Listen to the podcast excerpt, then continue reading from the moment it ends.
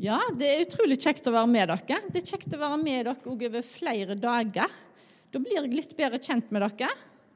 Og jeg syns vi har hatt gode samlinger der eh, vi har kommet litt eh, tettere innpå hverandre.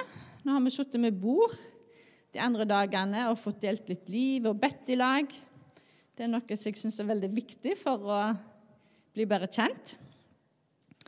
Litt misjonsinfo hører jo med når jeg kommer fra Indremisjon Samskipnaden, før jeg begynner på andakten.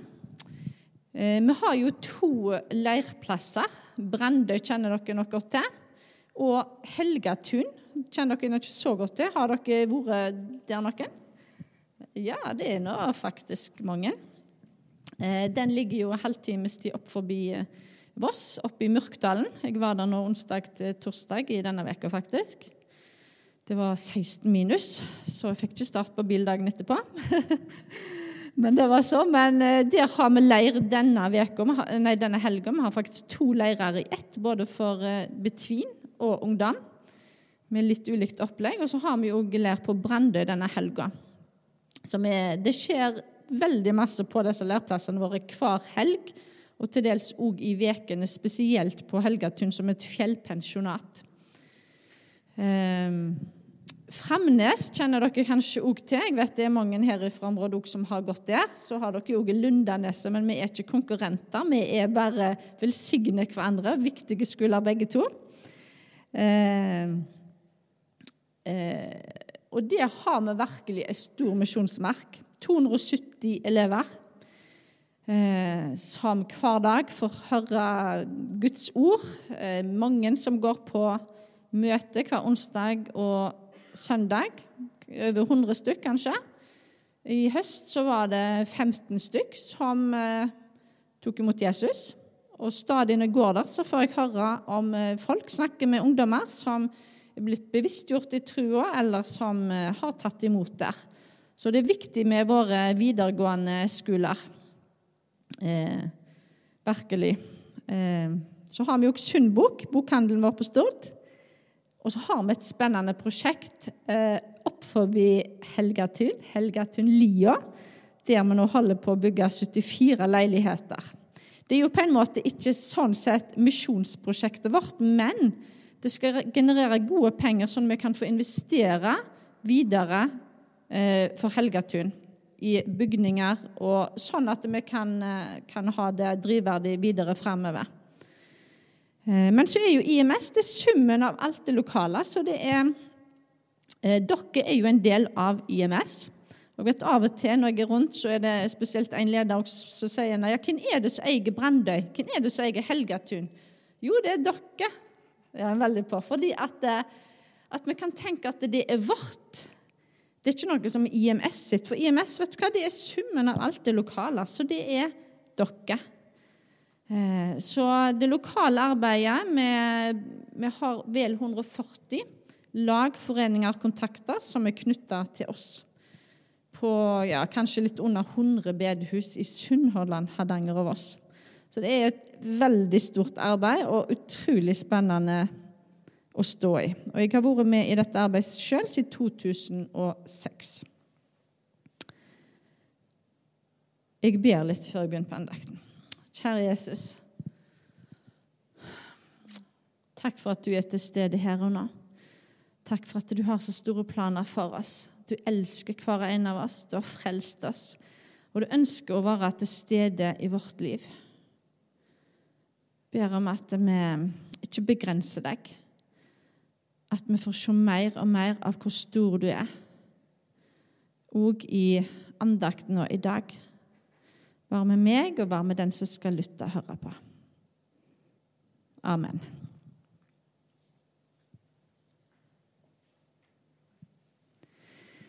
Eh, I Markus 4 så er det en historie om eh, en mann som sa at med Guds rike er det slik. Det er som når en mann har sådd korn i jorda. Han sover og står opp, det blir natt og det blir dag, og kornet gror og vokser. Han veit ikke hvordan det går til. Av seg sjøl ber jorda grøde. Først strå, så aks og fyllekorn i akset. Så snart grøda er mogen, så svinger han sigden, for høsten er kommet. For av og til så kan jeg òg kjenne på eh, byrden på skuldrene med det store arbeidet vi driver. Kjenne på åh, oh, vi må få til vekst. Vi må presse ting fram og få til dette her. Men her står det rett og slett altså av seg sjøl. Det er Gud som gir vekst. Eh, og Jeg nevnte det på torsdag. Da hadde vi tema to i heimen. Hvis et barn ikke vokser, eh, så vil vi jo spørre oss hva er gale. Hvorfor vokser ikke barnet? For det skal jo vokse. Og så er det litt sånn hos oss, da. Eh, når Gud har tatt bolig i oss, så skal vi jo vokse. Som forsamling så skal vi vokse. Både i dybde, vi skal bli bedre kjent med Gud, men vi skal også, flere skal bli lagt til forsamlinga. Det er helt naturlig. Vi skal vokse. Og Hvis vi ikke vokser, så, så må vi spørre oss hva er det som hindrer vekst. Eh, men det er hovedsakelig altså det er Gud sitt arbeid og han som skal gi vekst. Vi skal legge til rette for et godt jordsmonn. Og Dette er et samspill. da. Det står i første kor 3, 56. Hva er vel Apollos, og hva er Paulus? Det tjenere som hjelpte dykk til tru. Begge gjorde vi det Herren hadde sett oss til. Jeg planta, Apollos vatna, men Gud ga vekst. Altså, vi kan hjelpe til tro. Vi er tjenere, og vi skal gjøre det Herren setter oss til. Men det er Gud som gjør vekst. Selv om vi har, vært borti flere tema sånn sett denne helga, så har hovedoverskriften vært hvordan kan vi få til sunne og voksende forsamlinger. Eh, det er sjøl noe, noe, jeg har vært opptatt av i mange år. Og de som kjenner meg, vet at jeg er veldig sånn på utvikling og, og, vokst. Eller vekster. Vokst. Ja, både i eget liv og i forsamlinger. Um, så kanskje sånn i 2014-2015 så, så tenkte jeg ja, men vi må vel ha et verktøy. Det må finnes noe hvordan kan vi hjelpe forsamlingene til vekst? da? Det er ikke bare å gå inn i et styre eller i forsamling og mene sånn og sånn og sånn. Eh, hvordan skal skal vi få hjelp? Eh, så rett og slett så var det sånn at jeg googla, om jeg innrømmer. Så kom jeg eh, borti noe som heter naturlig menighetsutvikling. De har som mål flere, flere, flere sunnere menigheter.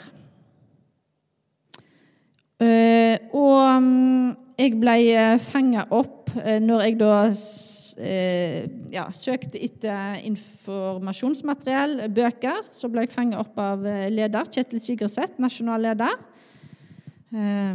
Søstera sitter her i salen, det må jeg bare si. og samtidig så var det flere i indremisjonssammenheng som ble litt sånn fanga opp, og så begynte å ta utdannelsen til veileder i naturlig menighetsutvikling. Og Nå finnes det mange gode verktøy. Jeg vet at Nordmisjon har Agenda 1. For ikke så lenge siden så vet jeg at NLM begynte med vekst. Så det er flere heldigvis organisasjoner som nå har fokus på dette. Hvordan kan vi vokse som forsamling, og hva verktøy har vi? Og det er veldig bra. Og jeg tenker at Mange av disse de, er, de utfyller hverandre, de er ikke helt like, men det er mange, mange bra. Dette her starta som en undersøkelse. 1000 menigheter i 32 land på alle kontinent. Um, og etter hvert nå så er det faktisk i 70 land. Um, det er 70 000 menigheter som har tatt, eller er i en prosess på dette. I Norge er det 400 menigheter, forsamlinger, som har gått i prosess på NAMU, som er forkortelsen. Naturlig menighetsutvikling. Um, og selv i Indre Misjon så har vi noen. Blant annet så er vi i prosess på dette på Gilje på Bømlo, der som jeg bor. Uh, og der, når de forsker på dette, så er faktisk det bibelverset som jeg leser innledningsvis, med 'av seg sjøl', det er en av grunntankene bak det. Det er Gud som gir vekst. Hvordan kan vi eh, Hvis det ikke er vekst, hvordan, da kan vi gå inn og se hva er det som hindrer vekst. Og Det er åtte tegn som dere kom frem til da, på hvor sunn forsamlingen er. Og det er disse åtte utrustende lederskap. Nådegavebasert tjeneste, engasjert trosliv, hensiktsmessige strukturer, inspirerende gudstjeneste, livsnære grupper og behovsorientert evangelisering og varme relasjoner. Eh, og det er et adjektiv framfor hver, og det er det som er viktig. For alle forsamlinger har et lederskap, men er det utrustende? Utruster det andre til tjeneste? Er det bærekraftig? Ja, vi har tjeneste, men er det nådegavebasert? Eller en pliktbasert? Er en eh, basert på åh, oh, vi må ha de og de aktivitetene, selv om jeg ikke helt liker det ordet? Eh, ja, vi har et trosliv, men er det engasjert? Det går ikke på hvor eh, masse tid nødvendigvis bruker jeg med Gud hver dag i bibel og bønn, men opplever jeg det som en inspirerende erfaring? Er det sånn at det bobler over når jeg leser, eller at jeg tenker åh, dette må jeg dele videre? Og hvordan er strukturene våre? Er det sånn at ting henger i hop her, og hvem er det som eh, fikser det, hvem fikser det, osv.? Gudstjeneste eller møte, er det inspirerende? Ja, Vi har kanskje bibelgrupper, men er de livsnære? Deler vi liv? Deler vi trua inn i hverdagen vår? Evangelisering, ja. Er den etter behov? Eller er det mer at oh, nå må vi evangelisere, så kan vi krysse av og ha god samvittighet for det? Eller er det sånn at vi lytter til dem vi møter? Hva behov har du? Vi har relasjoner, ja. Men er de varme, eller er de kalde? Og Her kunne vi hatt et dagseminar på hver og en av disse. Men Jeg skal gå litt videre inn på én og to av dem, men bare bitte litt mer her først. Eh, hvis du skal bygge et skip, så skal du ikke kalle folk sammen for å samle tømmer, finne fram verktøy, fordele og lede arbeidsoppgaver. Lær heller mennesker å lengte etter det vide, endeløse havet. Og ja, vi trenger jo å kalle folket sammen, men det første skrittet er faktisk å ha med en lengsel etter for hva har du, Gud, for oss? Eh, hvordan kan du gripe inn i menneskene sitt liv her i forsamlinga? Eh, i nabolaget her? Har vi en lengsel etter det? Det begynner der. Eh, nett i Namu så er det da sånn at eh, en tar tempen og måler hvor sunn er forsamlinga med at de som går her, svarer på en del spørsmål og påstander. Og så er det sånn at vi jobber videre med det de er svakest på. Nå ser vi for oss ei tønne, og tenk dere at hver stav her er et av de åtte kvalitetstegnene. Og det er faktisk det vi er svakest på, som hindrer vekst. Eh, jeg vet En plass så hadde de veldig gode møter, inspirerende gudstjeneste. Men de fanga likevel ikke folk opp. Det var lett å komme inn, men det var lett å gå ut igjen uten å bli sett. Kanskje var ikke relasjonene så varme. Kanskje ble de ikke fenga opp i ei livsnære gruppe. Derfor så er det, ofte har vi lyst til å jobbe med det vi allerede er gode på, og vi skal utfylle hverandre og bruke nådegavene på det som Gud har satt oss til. Men her så må vi faktisk jobbe med det vi er svakest på. Og det er alltid noe som vi er svakest på, det er alltid noe vi er sterkest på.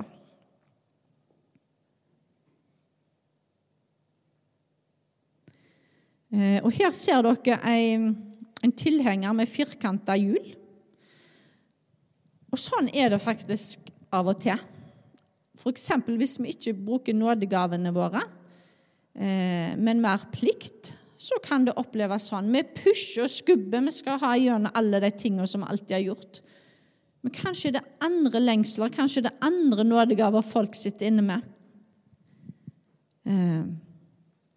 Men det er sånn vi ønsker å ha det. Eh, at eh, ting Det er de runde hjulene som Gud har gitt oss. At ting skal gå av seg sjøl. Så spørsmålet er hvordan kan vi ta vekk hindringer for vekst? Jeg skal snakke litt mer om eh, livsnære fellesskap og litt borti varme relasjoner. Eh, I fjor vinter så las jeg boka 'Småfellesskap' av Tonje Hauge Tostang. Hjemme så har vi jobba nå på Gilje med livsnære grupper og varme relasjoner. Det er veldig lettlest og viktig og bra bok, syns jeg. Helt konkret, hvis dere har eh, bibelgrupper, samtalegrupper, eh, ønsker å starte opp det eller har det, og hvordan kan dere utvikle den gruppa? Og så Det står undertittel der det er 'En vei til vekst'. Og det mener jeg virkelig. For av og til kan terskel være høy for folk å komme inn i storfellesskapet. Men i livsnære grupper, eller bare be noen hjem til deg eh, Lese Bibelen, eh, samtale om tru, be i lag, del liv i lag. Vet du hva? Det, veldig, det kan koste masse, men det er ikke nødvendigvis så ressurskrevende.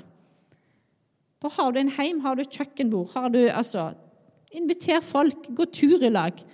Eh, jeg er jo den typen som eh, liker veldig godt å gå på kafé. Og jeg tar ofte PC-en med meg og jobber.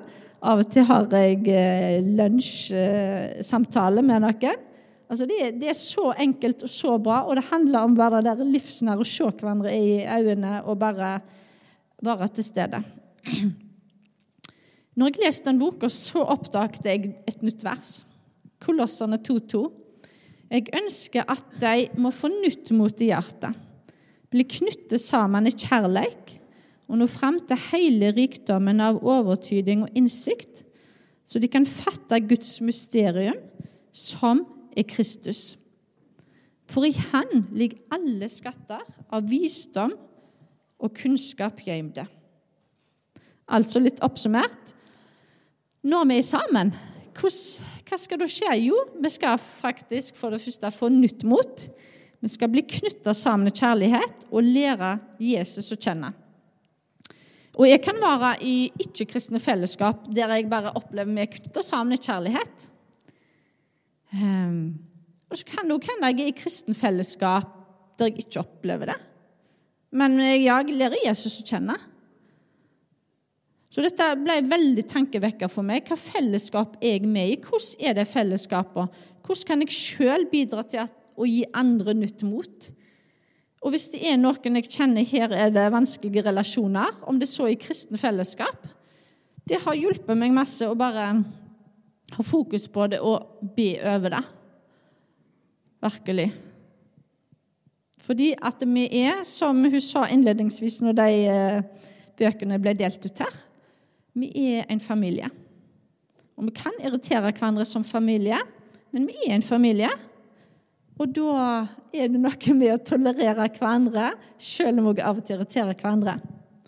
Eh, eh, og her handler det for bitte litt om hver en av dem. Det handler om å få nytt livsmot. Um, og Paulus han skrev til en menighet som sto midt i kampen for å leve som kristen i en verden der mange livssyn og religiøse retninger kjemper om plassen, og òg om hjertene. Og Sånn er det virkelig òg i dag. Når jeg ser på Facebook, artikler, kommentarer Jeg tenker virkelig vet du hva, her, eh, Vi trenger òg det motet eh, som de trenger da. Vi trenger motet til å gå kjerringa mot strømmen. Og og i et kristen fellesskap så skal det i alle fall være mulig å få nytt mot. Eh, og jeg tenker at vi alle har utfordringer knytta til relasjoner, eh, indre liv, arbeid, familie, det vi står i.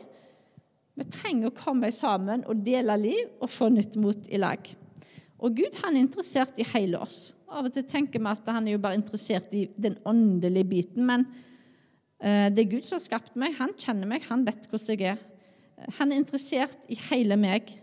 Hvis jeg bruker masse tid i løpet av en dag og tenker eh, og bekymrer meg over ting, så vet jo Gud er jo interessert i det. Han vil jo jeg skal legge det av hos han. Og han vil òg at vi som er søsken, skal dele med hverandre, med folk vi har tillit til, og legge det fram for Gud. Altså Det er masse omsorg i å dele liv med hverandre og be eh, med og for hverandre. Knytte sammen i kjærlighet. Vi er en åndelig heim.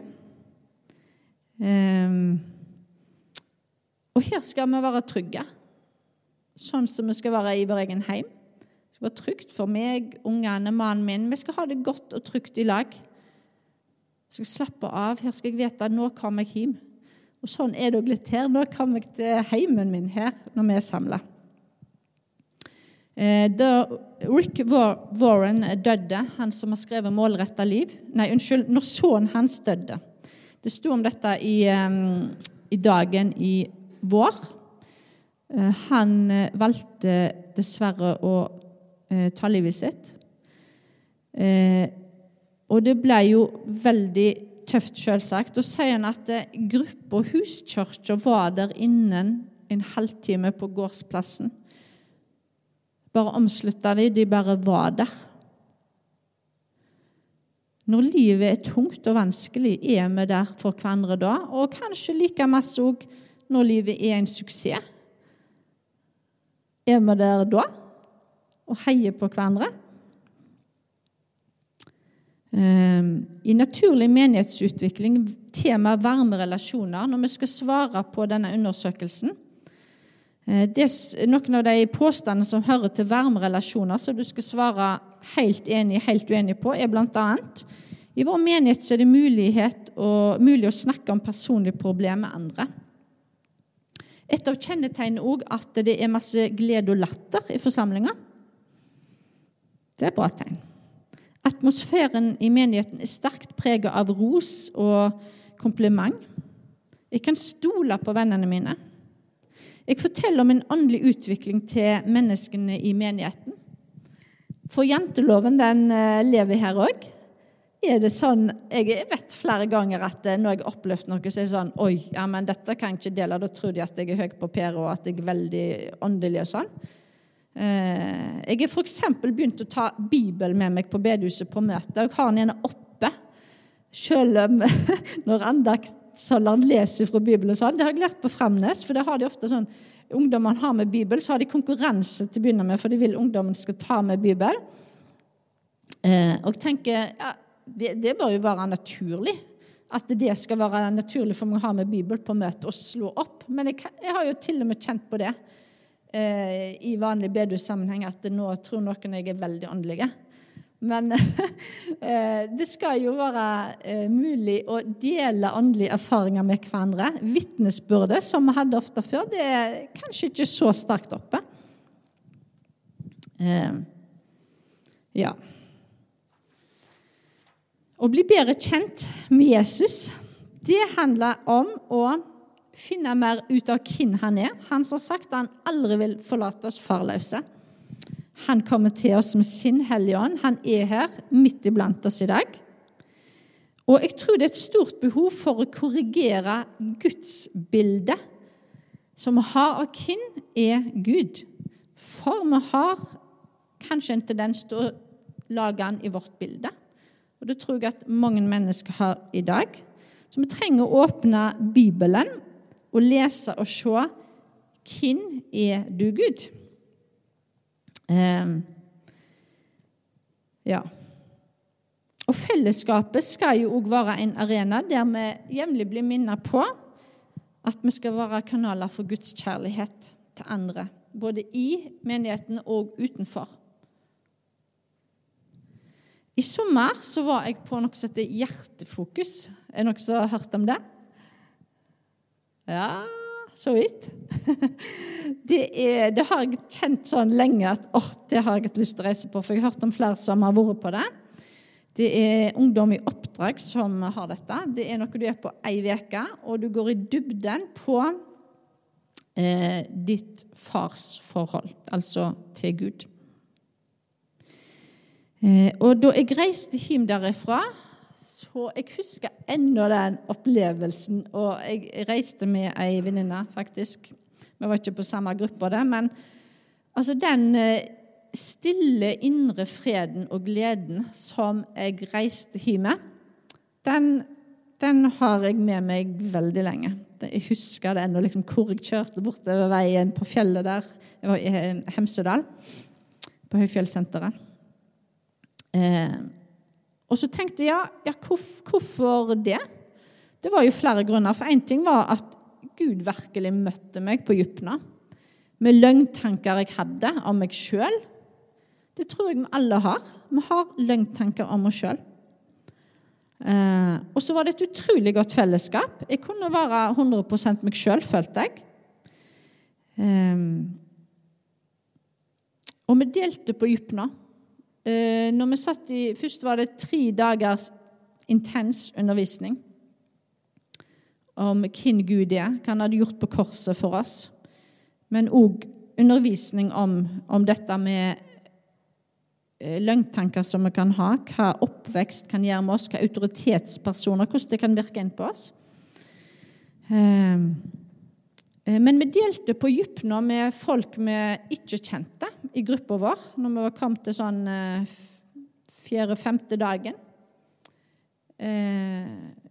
med personlige ting. Og jeg sa det på slutten at det er utrolig at vi kan bli så glad i hverandre på ei uke. Og det var fordi at vi delte, litt liv med, vi delte på dypen og livet med hverandre. Og det er jo litt sånn at de relasjonene som er viktige for oss, de er faktisk de som vi deler liv med. Så dette med livsnære, livsnære grupper, ett av de åtte kvalitetstegnene. Bibelgruppene våre hvordan er de? Det skal ikke bare være kunnskap, at vi skal dele kunnskap med hverandre. Vi trenger å dele liv. Hvordan har vi det? Hva er jeg opptatt av nå? Hvordan er det med ungene mine? Hva, hva relasjoner er vanskelige? At vi tar det inn og ber for de med hverandre. Og så må vi stole på at eh, det jeg deler i den livsnærgruppa, det blir der. Jeg hadde fått sitt dypere inn i Guds mysterium, som òg stod om i kolossene her.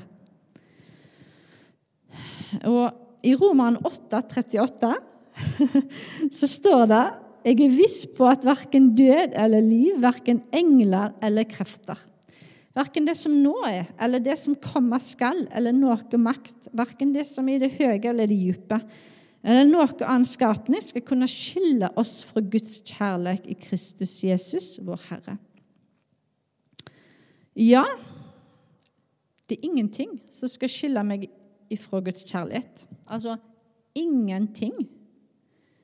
Men så jeg lærte der det er mange ting som kan hindre meg, oss, i å, i å erfare den kjærligheten. Tok du den? Ting kan hindre meg i å erfare Guds kjærlighet. Jeg husker jeg var i ei lita bygd for mange mange år siden. Eh, jeg satt på sida av en Det var en basar, så der var det masse folk som ikke pleier å gå. Og jeg satt på sida av en mann som egentlig var oppvokst i bygda, men han bodde ikke der. Og så sier jeg ja, hvordan er det, går du på bedehus i bygda der du bor? Og så sier han pøh. Ja, det gjorde han iallfall ikke. og så fikk jeg litt sånn historie, for når han vokste opp, det var hard forkynning, himmel, helvete, og han hadde ikke sett Guds kjærlighet, den gode Gud som vi tror på, som er kjærlighet. Eh, det var ting der som hindra han i å erfare Guds kjærlighet. Og Han fortalte òg eh, litt annen historie når han var ute og reiste på båt, og ting han hadde opplevd av vonde ting, faktisk. Eh, Ehm, for ofte bygger vi livet vårt på skeive grunnmurer, på løgntanker. Eh, hvis jeg sjøl er blitt avvist som barn eller har opplevd vonde ting med autoritetspersoner, så kan jeg sjøl reagere med avvisning og opprør. Jeg kan kjenne på mindre verd, usikkerhet. Jeg kan bli sjølmedliden. Eller jeg kan reagere med opprør, som er Jeg blir sint og bitter og det er en som sa at det er så masse sinne og bitterhet blant oss i forsamlinga. Eller jeg kan eh, bli manipulerende, kontrollerende osv. Og, og jeg har aldri tenkt på dette som, som synd. Men det lærte vi faktisk der. At når jeg, tenk, når jeg bare syns synd på meg sjøl, er sjølmedlidende, så hindrer det faktisk Gud i å nå inn med sin medlidenhet. For jeg er bare opptatt av meg sjøl.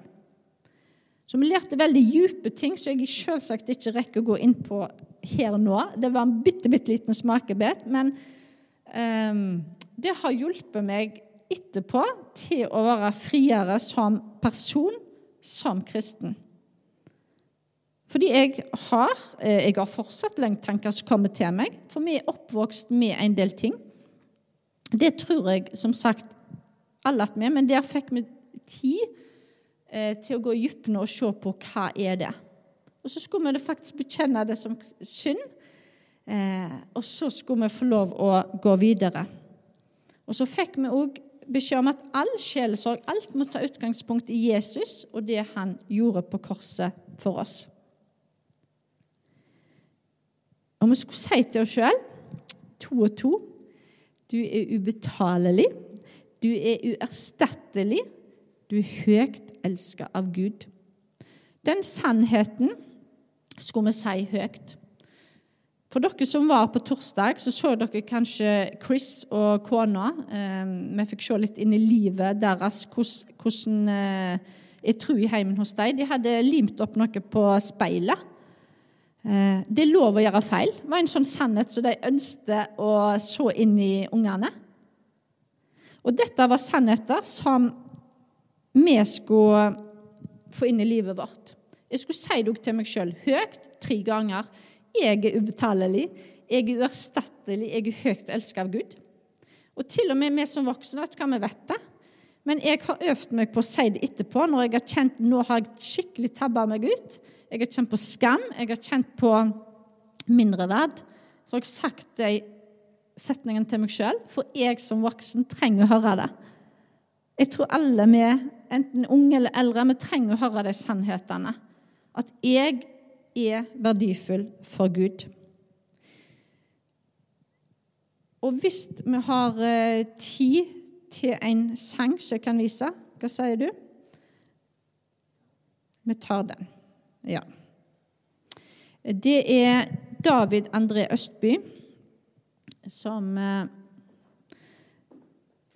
har oversatt en sang eh, fra engelsk. Den heter 'Du sier'. You Say heter han på engelsk. Og Den traff han veldig sterkt sjøl. Han hadde hatt eh, Det er en liten YouTube på der han deler, vi får ikke tid til å se den nå, men der han deler han hadde hatt migrene i åtte uker. Ting var tungt. Og så hører han den på engelsk, og den bare treffer han så sterkt. Og Bare ta med deg inn i sangen. Forestill deg at Gud tenker på deg. Hva vil du anta at Gud føler når du dukker opp i tankene hans? Så sunne og voksende forsamlinger, det handler om at jeg òg tar Guds sannheter inn i livet mitt og blir sunnere, og hjelper andre rundt meg til å ikke ha løgntanker òg. Det handler om bevissthet.